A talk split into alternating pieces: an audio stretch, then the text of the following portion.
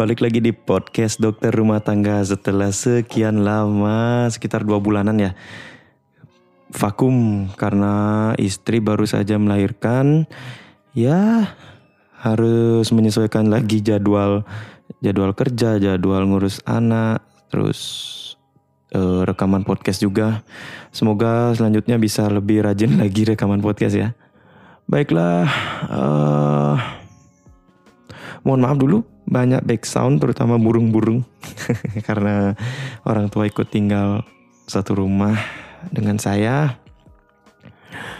Uh, karena ikut ngurus sang cucu. Jadi ya ya namanya orang tua. Atau mungkin teman-teman juga pada hobi melihara burung kali ya kali ya. Uh, terus berita paling hot itu vaksin sudah datang vaksin at last akhirnya yang ditunggu-tunggu sang raja terakhir. Vaksin sudah datang awalnya dengan berbagai polemik. Kabarnya kan awalnya bayar terus banyak yang protes akhirnya gratis. Sudah gratis tetap diprotes. Ada aja warga masyarakat Indonesia Uh, terus kemarin pertanggal uh, sekarang tanggal berapa? Kemarin pertanggal 14 ya, ya benar 14. Eh sorry sorry. Tanggal 13 Presiden Republik Indonesia Pak Joko Widodo sudah hmm, mendapatkan vaksin sebagai orang pertama yang mendapatkan vaksin. Uh, yang lagi rame itu karena yang nyuntik adalah seorang profesor yang kata netizen itu gemeteran, tremor. Ya, ya iyalah yang disuntik itu RI 1 men. Kalau saya yang di sana juga pasti lebih tremor dari itu. Bayangin aja orang uh, kita memberikan tindakan invasif atau uh, memberi memberi perlakuan terhadap pasien bukan sekedar cuma ngobrol disaksikan oleh banyak orang, seluruh masyarakat Indonesia, lalu nggak boleh salah. Ya wajar lah itu gemeteran. Yang penting kan udah kesuntik. Terus masalahnya itu yang lebih heboh lagi itu katanya yang disuntik itu hanya vitamin. hanya vitamin atau bukan vaksin beneran. Sudah langsung ada klarifikasi dari profesornya langsung ya di rasanya eh, acaranya Mata Najwa. Katanya itu vitamin C. Ya enggak lah. Kalau vitamin C disuntik di di otot itu pasti akan perih sekali. Orang presiden sendiri bilang nggak berasa apa-apa. Jadi udah clear ya, please masyarakat yang uh, sudah dicontohkan oleh pemimpin Indonesia sendiri, ya ditiru dong. Ya untuk yang kaum kaum anti vaksin terserah sih berpendapat. Mau mau tetap divaksin mau nggak ya bebas. Cuma ada masalahnya lagi kabar bahwa akan diberikan sanksi ya bagi yang nggak mau divaksin. Aku sih tidak bisa komen banyak soal itu. Silakan yang berle yang lebih mempunyai wewenang aja uh, yang menentukan apakah akan diberikan sanksi atau enggak. Terus yang lagi rame lagi ada influencer besar, mungkin terbesar sih di Indonesia ya yang juga ikut divaksin di istana. Nah, masalahnya itu setelah divaksin tertangkap kamera eh, tidak menggunakan masker. Dari tindakan sih memang salah. Beliau sebagai seorang influencer yang tindak tanduknya cenderung diikuti oleh banyak orang. Namanya manusia banyak salah. Oh iya, lagian beliau juga sudah klarifikasi kayaknya meminta maaf kepada seluruh masyarakat Indonesia bahwa tindakannya tidak pantas ditiru ya sudahlah sudah minta maaf. Uh, mau ya dimaafin gitu loh. Tiru yang baik-baiknya aja tiru dia mau vaksin ya ditiru. Kita vaksin juga. Saya sendiri juga udah nggak sabar sih divaksin. Kebetulan dapatnya bulan Februari cukup lama. Karena agak telat sih daftarnya. Daripada dapat kloter 2 yang mungkin lebih lama lagi dari Februari apalagi kerjanya di rumah sakit yang kontak langsung dengan pasien COVID-19. Yes, vaksin telah datang, banyak brand yang beredar di luar sana. Uh, salah satunya, salah banyaknya ada Pfizer, Moderna, AstraZeneca. Kita kedapatan yang Sinovac. Uh, dari masing-masing vaksin itu efikasinya beda-beda. Hmm, ada yang Pfizer contohnya 95% vaksin Sinovac kita dapatnya 65% di Indonesia. Tapi di Turki dapatnya 90-an persen kalau nggak salah. 91,25 persen. Uh, di Brazil sendiri dapat efikasi 78 persen. Di Indonesia malah 65,3 persen. Oh ya, disclaimer dulu sumbernya dapat dilihat di Adam Prabata. Beliau adalah edukator COVID-19. Sumbernya sangat terpercaya. Beliau juga mengutip dari BPOM, WHO, dan beberapa jurnal. Kenapa sih beda-beda efikasinya? Apa itu menjadi syarat mutlak atau menjadi hal yang kita eh, pikirkan sebelum mau divaksin? Apalagi kita dapatnya vaksin Sinovac yang pertama ini. Nggak tahu sih nanti apakah mungkin datang yang dari Pfizer atau gimana. Tapi uh, syarat-syarat efikasi untuk vaksin itu sendiri adalah harus di atas 50%. Jadi kalau sudah dapat efikasi 65% artinya sudah memenuhi syarat vaksin itu diedarkan. Pertama, efikasi itu sendiri adalah kemampuan suatu vaksin untuk menurunkan munculnya penyakit pada kondisi optimal uh, dalam uji klinis atau artinya uh, bisa walaupun kita sudah divaksin tetap saja bisa terinfeksi tapi tidak separah kalau tidak divaksin. Gitu kira-kira. Vaksin itu nggak harus punya efektivitas dan efikasi yang tinggi untuk bermanfaat. Contohnya vaksin influenza sendiri efektivitasnya cuma 40-60% kok. Tapi tetap aja dipakai kan dan menyelamatkan ribuan nyawa. Oke, nanti perhitungan vaksin eh perhitungan efikasi dan efektivitas itu kayaknya terlalu jauh lah ya kita yang standar-standar aja. Terus apa artinya efikasi 65% dari vaksin Sinovac? Itu artinya adalah pengurangan risiko sebesar 65% terjadinya COVID-19 yang bergejala pada orang yang divaksin dengan orang yang nggak divaksin. Atau penurunan kasus COVID-19 bergejala sebesar 65% dari jumlah kasus yang diperkirakan akan terjadi bila nggak divaksin memang nggak bisa dipungkiri efikasi yang tinggi itu dampaknya lebih bagus daripada efikasi yang lebih rendah. Uh, artinya makin tinggi efikasinya, makin sedikit orang yang perlu divaksin untuk dapat herd immunity gitu. Herd immunity itu seperti imunitas uh, populasi. Nah contohnya gini nih, uh, vaksin Pfizer misal nih, efikasi vaksin 90% 95%. Jadi itu e, artinya orang yang divaksin memiliki risiko 20 kali lebih rendah untuk mengalami COVID yang bergejala jika nggak divaksin. Kalau efikasinya 90%, risikonya 10 kali lebih rendah. 80% risiko 5 kali lebih rendah. E, 70% 3,3 kali lebih rendah. Kemudian 65% e, 2,86 kali lebih rendah uh, kemudian efikasi 50% risiko dua kali lebih rendah. Nah ini jadinya akan nyambung dengan makin tinggi efikasinya, makin tidak perlu semua orang divaksin. Makin rendah efikasinya, makin banyak yang harus divaksin. Balik lagi syarat efikasi suatu vaksin. Untuk izin penggunaan vaksin darurat, dalam hal ini kita omongin vaksin COVID-19, efikasi vaksin itu boleh eh, di atas 50% sudah boleh digunakan. Artinya kalau terbukti pada uji klinis fase 3 efikasinya lebih atau sama dengan 50% sudah layak mendapatkan izin penggunaan darurat. Ya termasuk dari vaksin Sinovac ini. Kemudian, nah ini eh, populasi tadi yang ngomongin populasi.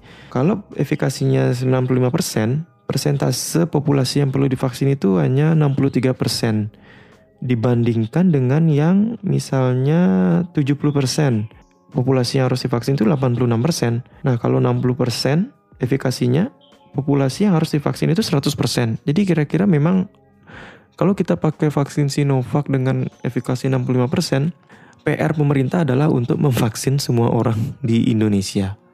ya kita doain aja, kita dukung supaya program ini berjalan dengan baik.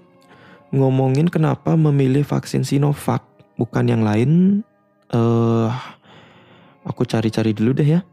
Karena menurutku yang menurut opiniku sendiri nih ya, aku belum uh, meriset bahwa pengguna menggunakan vaksin Sinovac itu karena penyimpanannya lebih mudah daripada yang lain karena yang lain itu uh, syaratnya kalau kena suhu berapa gitu di atas berapa gitu jadinya vaksinnya cepat rusak.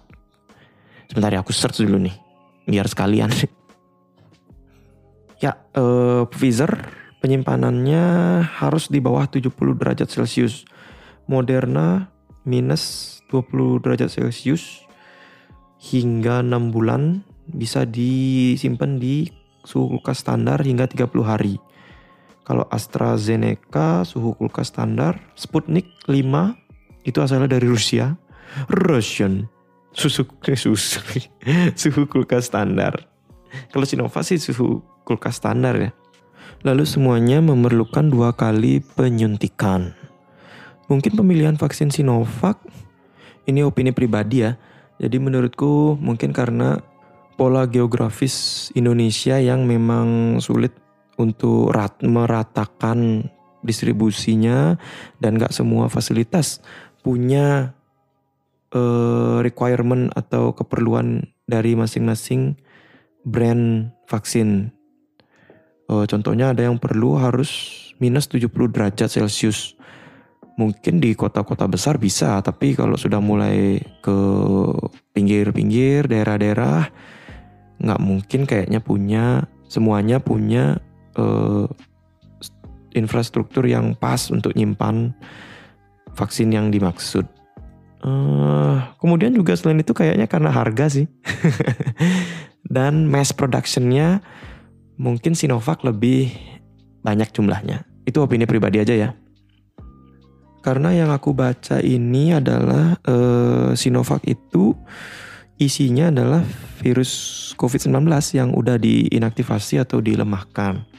Kemudian yang Pfizer atau Moderna itu RNA virusnya. Jadi nggak semua materi genetiknya terdapat dalam vaksinnya. Uh, kemudian kalau dari AstraZeneca itu dan Sputnik 5 itu vaksinnya berisi spike protein virus penyebab COVID-19.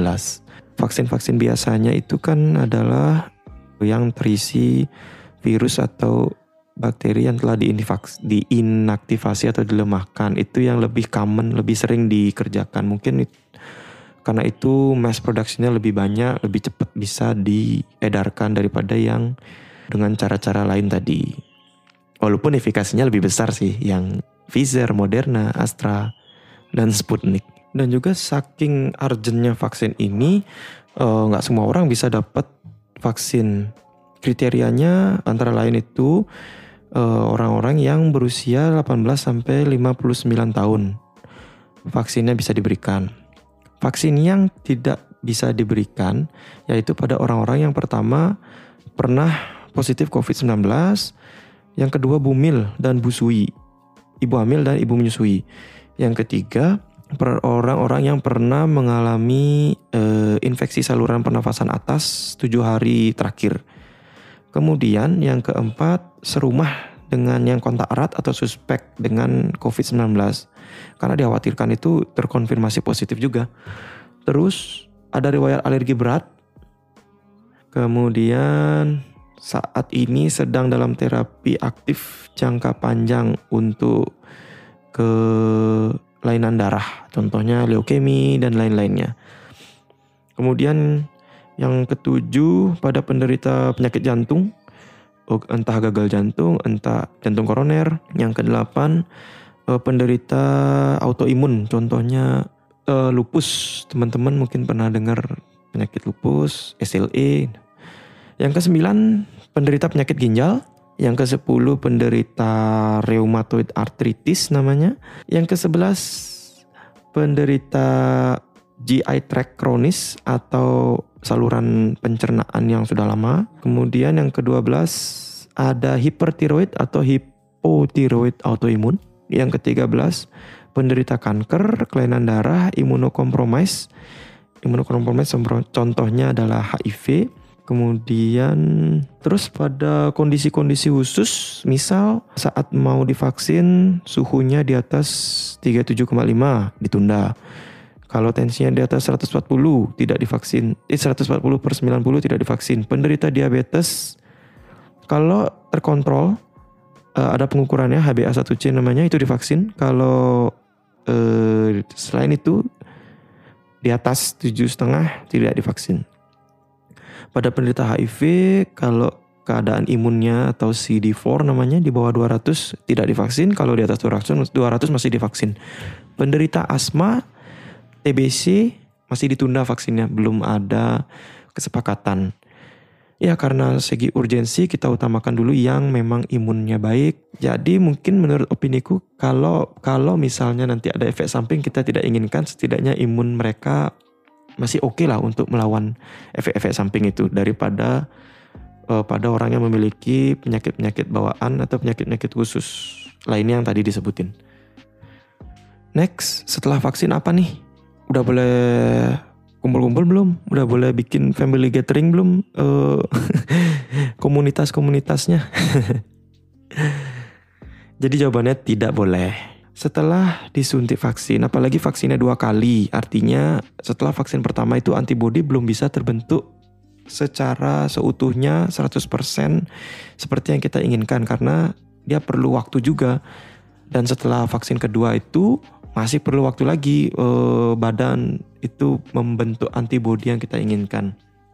Nah, uh, kemudian juga belum ada bukti kuat bahwa vaksin itu uh, melindungi seseorang dari terinfeksi COVID.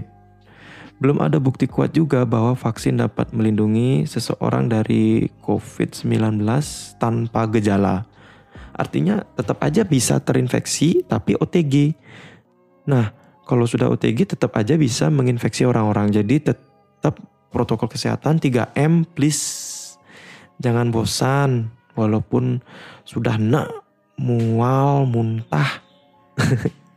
Gak sampai mual muntah sih. Maksudnya sudah bosan dengan keadaan gini-gini, ekonomi hancur. Tapi please kita harus jaga orang-orang di sekitar kita. Kemudian vaksinnya itu juga belum terbukti mencegah seseorang menularkan COVID-19. Belum ada buktinya. Uh, walaupun risiko munculnya COVID-19 yang bergejala sudah berkurang, tapi masih ada potensi menularkan ke orang lain. Karena walaupun divaksin bisa saja uh, terinfeksi COVID-19 dengan gejala yang jauh lebih rendah, tapi juga tetap bisa menularkan ke orang-orang. Jadi apa nih kesimpulan yang kita lihat dari Mas influencer?